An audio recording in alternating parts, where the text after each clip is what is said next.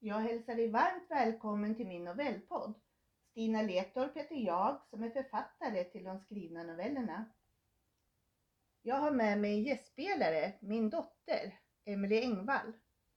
Och hon går på Karlforska gymnasium, estet. Den här novellen du strax ska få lyssna till heter Den arga bilskolläraren. Ah, ah, ah! Det här är en ny bil, så försök att vara rädd om den. Annars skickar jag en räkning till dig när du förstört lacken. Muttrade Kenneth till sin körskoleelev, som i sin tur ursäktade sig.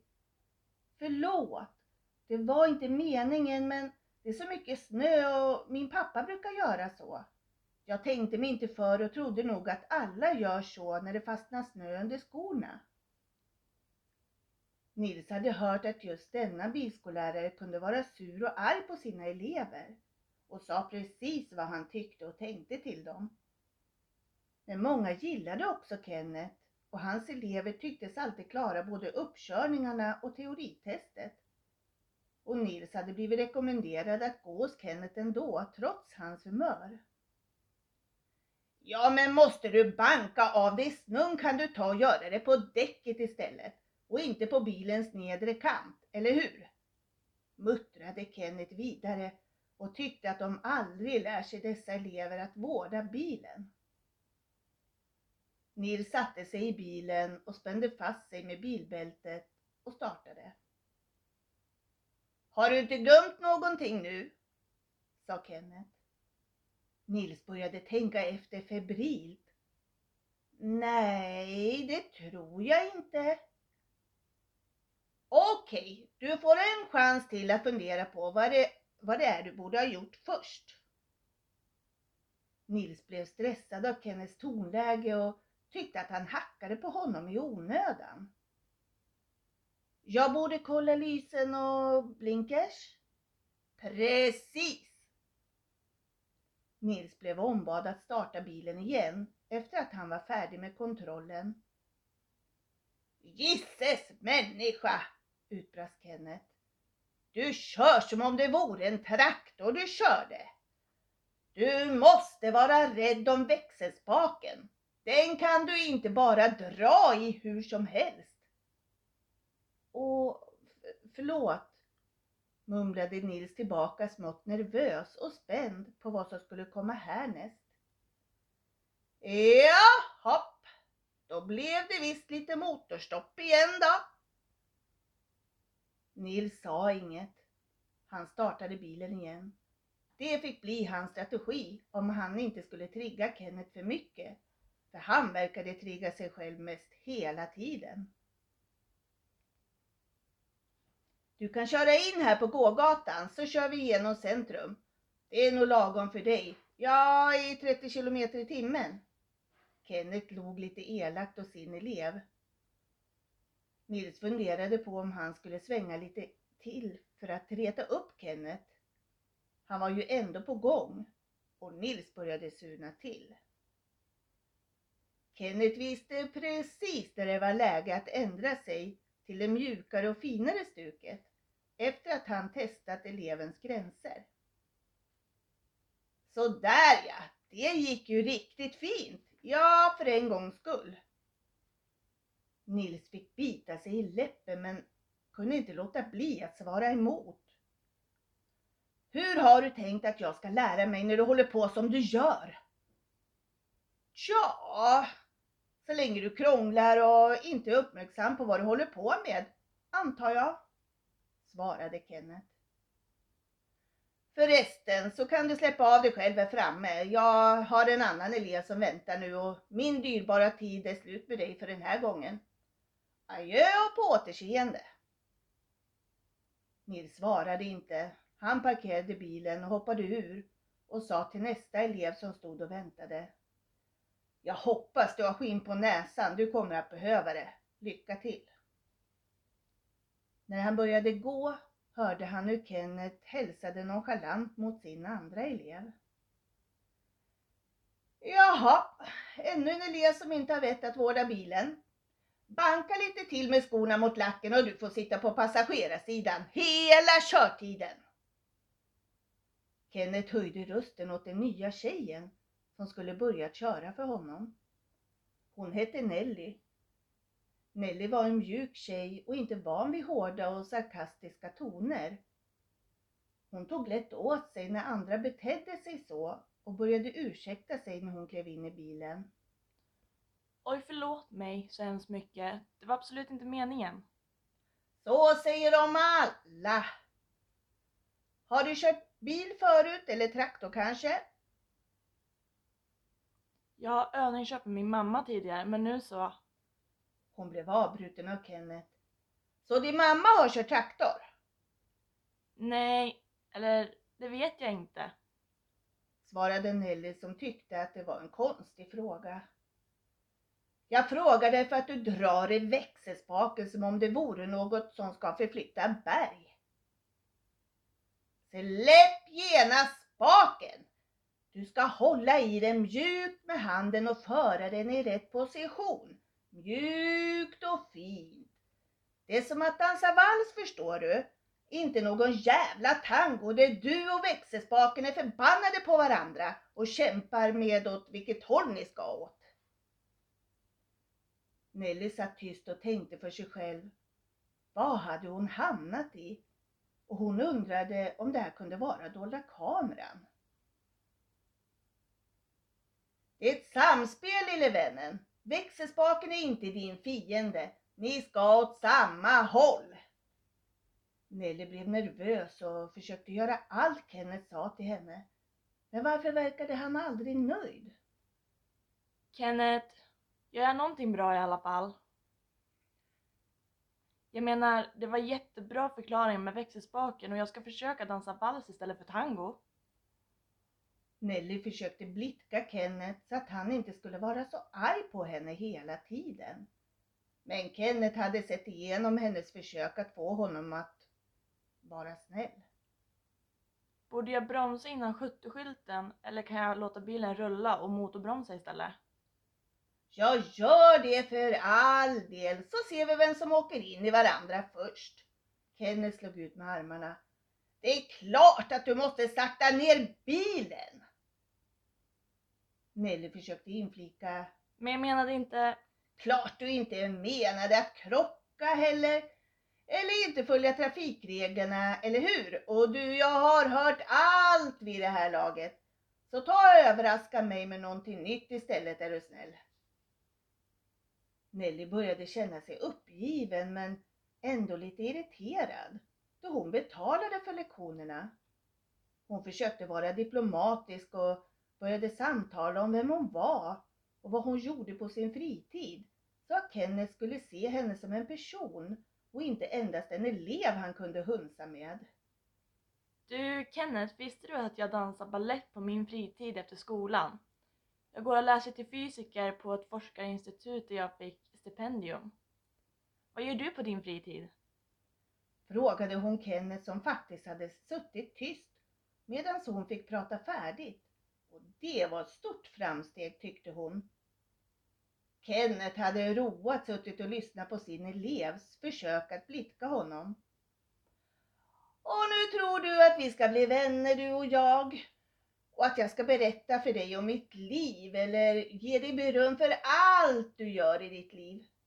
Om du inte har märkt det så är jag inte den sorten som bryr sig om vad andra har för sig eller vad de gör med sina liv. Och jag tycker uppriktigt att du ska koncentrera dig på bilkörningen istället. Är vi överens? Nelly satt tyst en stund men hon tänkte inte ge upp. För det måste finnas en människa där bakom hans fasad och skrämseltaktik. Hon tyckte det var konstigt att han ens hade några elever som ville gå hos honom. Se upp! Har du inte lärt dig någonting? Ska du köra på den stackars mamma med barnvagnen? Kenneth stampade på sin bromspedal allt vad han kunde och tog tag i ratten för att väja undan bilen som var på väg att köra över en ung mamma med barnvagn. Nelly blundade och utbrast. Herregud! Det kan man lugnt säga. Det hade kunnat sluta riktigt illa det här. Fattar du konsekvenserna av att sitta och prata och försöka få mig att bli vän med dig? Eller något? Hädanefter är du tyst om det inte gäller bilkörningen. Vi sitter inte här för att socialisera oss. Det brast för Nelly och hon kunde inte vara tyst längre eller trevlig. Du är så jäkla otrevlig, oempatisk, elak, sarkastisk och dum och mycket mer än så. Jag förstår inte vad jag har gjort dig eller vad livet har gjort emot dig. Jag går och lär mig att köra bil och det är inte mycket begärt att du åtminstone kan hålla en trevlig ton. Hon tog händerna för, för sitt ansikte och föll i gråt över hela situationen. För att du så snällt upplyste mig om något jag redan vet. Och att försöka göra om mig har du ingenting för, flicka lilla. Jag är här för att lära dig köra bil och ingenting annat. Har du samlat dig nu så att eh, vi kan fortsätta med bilkörningen innan tiden tar slut? Nelly var både uppgiven och arg, men hon tänkte inte ge upp och han skulle hjälpa henne med att klara körlektionerna. Det hon inte visste var att han skulle hjälpa henne med så mycket mer än vad hon trodde just här och då. Hon fortsatte sin körlektion under tystnad. Hon ville inte samtala med den här omöjliga mannen som tycktes bli triggad av vad hon än sa eller gjorde. Hon funderade på att byta körskollärare. Men när Nelly hade landat i det hela samlade hon ihop sig och tänkte i alla fall inte ge sig. Hon försökte vända på det och se det som en utmaning hon skulle finna en lösning på. Kenneth fortsatte på sitt vanliga sarkastiska spår. Han hade inga planer på att ens försöka ändra sig för en elevs skull. Lite tårar hade han mött under sin tid som lärare och tänkte att det tillhörde. Men eleverna fick väl tåla lite kritik och att man säger åt dem när, när de gör fel. Vad vill du att jag ska säga till dig? Att du är den bästa elev jag någonsin haft. Krama om dig och torka dina tårar som din mamma aldrig gjorde när du var liten. Dags att vakna upp till verkligheten och inse att alla inte tillmötesgår dig i allt du vill. Men du vill ju inte ens veta vem jag är och istället avpersonifierar du mig så att du kan slippa ta ansvar över hur du beter dig och vad du säger till människor som är av kött och blod precis som du. Men jag undrar vem och vad som gjort dig så kall och hård. Det är inget du behöver bry ditt lilla huvud med. Och ville jag ha en diagnos skulle jag anlitat en psykolog för länge sedan. Så snälla försök inte att vara det åt mig. Och när du är färdig med din analys om mig och mitt liv kan du väl ta och koncentrera dig på bilkörningen. Eller vill du att vi stannar och småpratar om livet lite till? Du kommer inte att få mig att sluta köra för dig och jag kommer att berätta om mig själv för dig tills du ser mig som en människa och inte en sak du kan hälsa omkring med. Vad fint, då kan vi fortsätta. Och det är nog bäst vi kör ut till landsbygden för du vet det finns flera mammor och pappor med barnvagnar och en massa övergångsställen. Stämningen var allt annat än toppen under bilfärden men det skulle komma att ändra sig fortare än vad de trodde. Kenneth var faktiskt lite irriterad på riktigt. Och han hade inte bara den stilen han hade kört med i många år för att slippa komma människor nära. Han gjorde så utan att tänka på det och störde det någon annan så fick de väl, ja, söka sig någon annanstans. Nelly kände sig faktiskt ganska lugn. Det hade varit skönt att lätta på känslotrycket, något hon var väldigt ovan med att göra och särskilt med nya människor. Hon märkte att Kenneth verkade irriterad och inte bara låtsades vara arrogant för att skydda sig själv. Nelly visste om hur försvarsmekanismer verkade och hade verkligen användning av sina kunskaper i det här högst ovanliga mötet hon aldrig stött på i sitt unga liv. Men det gav henne nyttig erfarenhet och kunskaper i det praktiska och inte enbart av det hon läst sig till, insåg hon. Jävlar! Se upp! Han kastade sig över ratten för att få bilen att väja från långtradaren som kom mitt emot dem på deras körfält. Kenneth hann tänka att föraren måste ha somnat eller någonting och allt gick i slow motion. Han hade kastat sig över Nelly och ratten så fort att hon inte hade hunnit reagera på vad som höll på att hända. Hon skrek till Hjälp vad händer? var det enda hon fick ur sig medan hon pressades tillbaka i bilstolen så hårt att hon kände hur en smärta spred sig i ryggen. Nelly åkte in och ur dimman. Hon hade tuppat av flera gånger och ambulanssjukvårdarna försökte få henne stabil medan de åkte i ilfart till akuten med henne. Kenneth hade inte vaknat upp efter krocken med lastbilen och han hade fått två hjärtstillestånd i ambulansen. Han var allt annat än stabil, så nu körde de fort med honom för att möta upp en helikopter som skulle ta honom till ett större sjukhus där de hade resurser att ta emot honom. Kenneth skulle behöva opereras för sin inre skador och amputera ett ben som var söndertrasat, som hade legat alldeles för länge i kläm Nelly hade frågat efter Kenneth när hon legat inne på lasarettet och undrade hur det var med honom. De fick naturligtvis inte berätta det för henne men en manlig sköterska hade viskat i hennes öra i vilken sal Kenneth låg i och att han hamnat i koma.